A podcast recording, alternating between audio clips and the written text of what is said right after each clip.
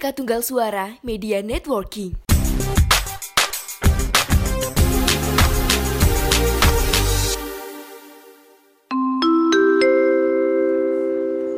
Mohon perhatian. Sekali lagi kami sampaikan, bikin podcast dengan Anchor dijamin gampang. Gak percaya? Langsung buktiin aja. Anchor, teman setia podcaster.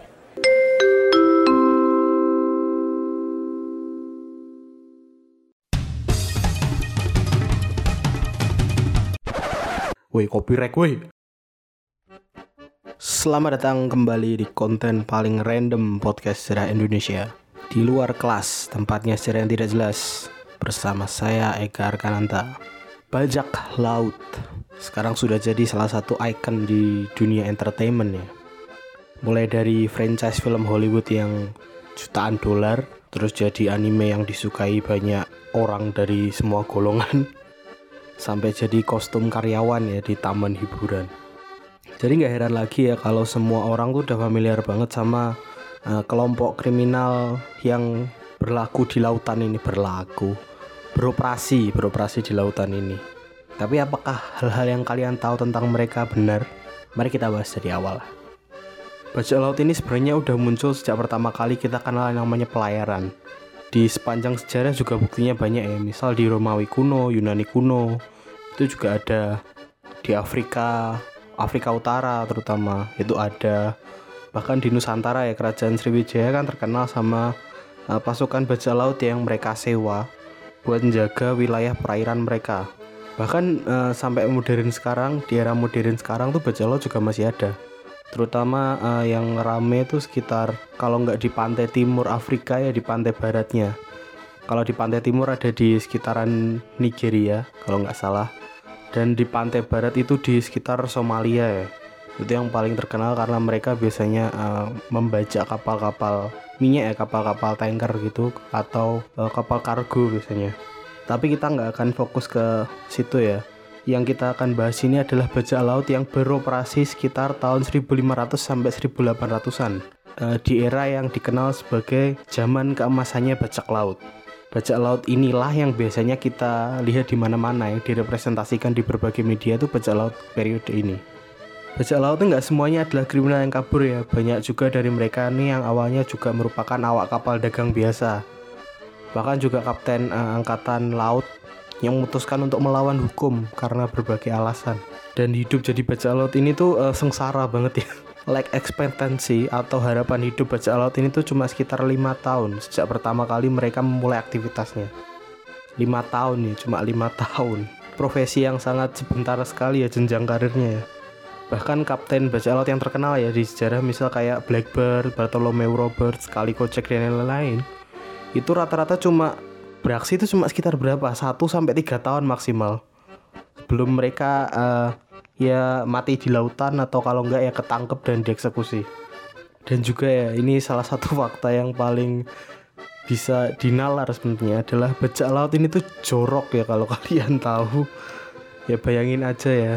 Mereka tuh kan hidup di periode yang bahkan bangsawannya aja bangsawan ya orang-orang yang paling kaya orang-orang yang punya akses ke segala macam hal itu tuh sekarang aja kita anggapnya jorok ya. Apalagi cuma kumpulan emas-emas ya kumpulan mamang-mamang yang mengambang di tengah laut. Bayangkan bagaimana higienis mereka sangat tidak higienis tentu saja. Mereka tuh uh, jarang mandi jelas. Kalaupun mandi atau cuci pakaian itu mereka bakal pakai air laut ya. Soalnya air tawar kan ya penting sekali. Karena mereka tuh kadang di lautan tuh sampai berminggu-minggu atau berbulan-bulan bahkan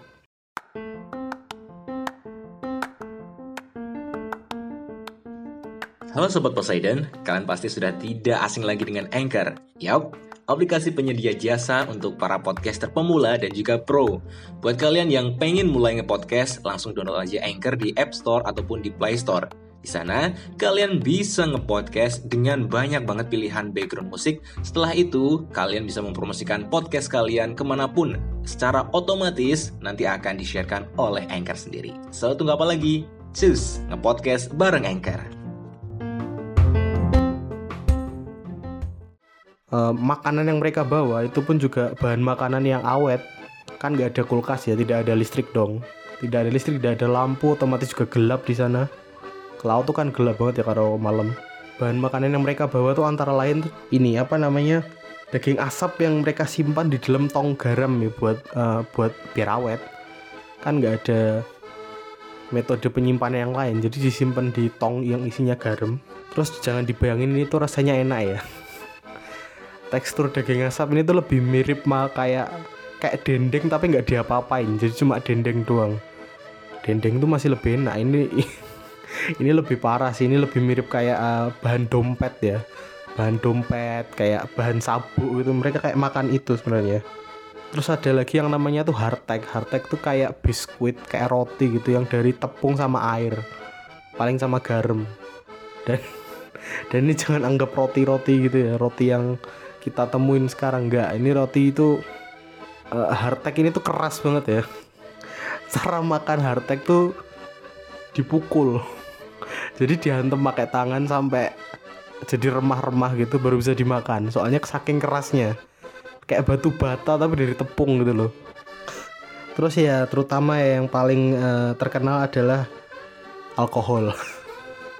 Cuma itu yang mereka bawa bahan-bahan tadi ya selain ya paling mereka juga mancing ya. Kayak seafood gitu juga mereka makan tapi kan ya nggak sesering itu juga mungkin. Uh, mereka ini kriminal yang nggak cuma diburu sama pemerintah tapi mereka juga berantem satu sama lain sesama bajak laut. Mereka tuh cuma mampir ke pulau itu biasanya cuma buat um, benerin kapal mereka. Ada salah satu metode yang terkenal itu namanya canring yaitu dengan cara menggulingkan kapal ke satu sisi ya. Buat apa? Buat ngilangin kayak kerak-kerak gitu. Soalnya kapal tuh kalau nggak dibersihin lama-lama kan jadi lapuk kan kapal mereka dari kayu kan. Kalau nggak dibersihin lama-lama juga hancur mereka mengambang nanti di lautan. Terus mereka juga otomatis nggak bisa berhenti di pelabuhan karena mereka kan kriminal gitu loh. Tidak akan bisa mereka berhenti di pelabuhan kalaupun ada pelabuhan yang mau diberhentiin mereka tuh biasanya mereka disewa ya jadi buat jaga pelabuhan gitu.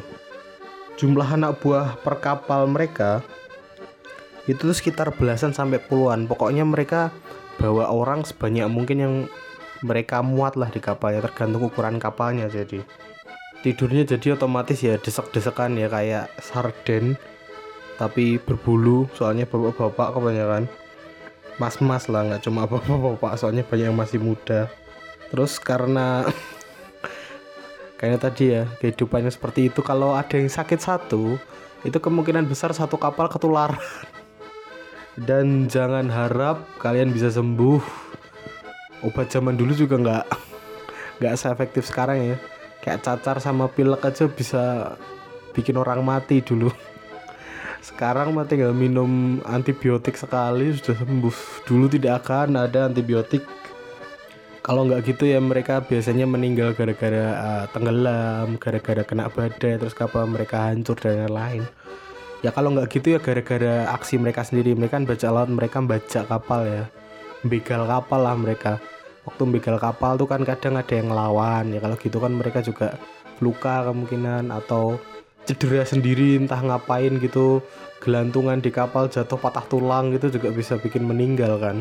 Kalau nggak dirawat dengan benar ya nggak mungkin bisa dirawat juga. Mereka kan ada yang dokter gitu nggak nggak akan nggak akan ada. Skill dokter zaman dulu juga kayak apa?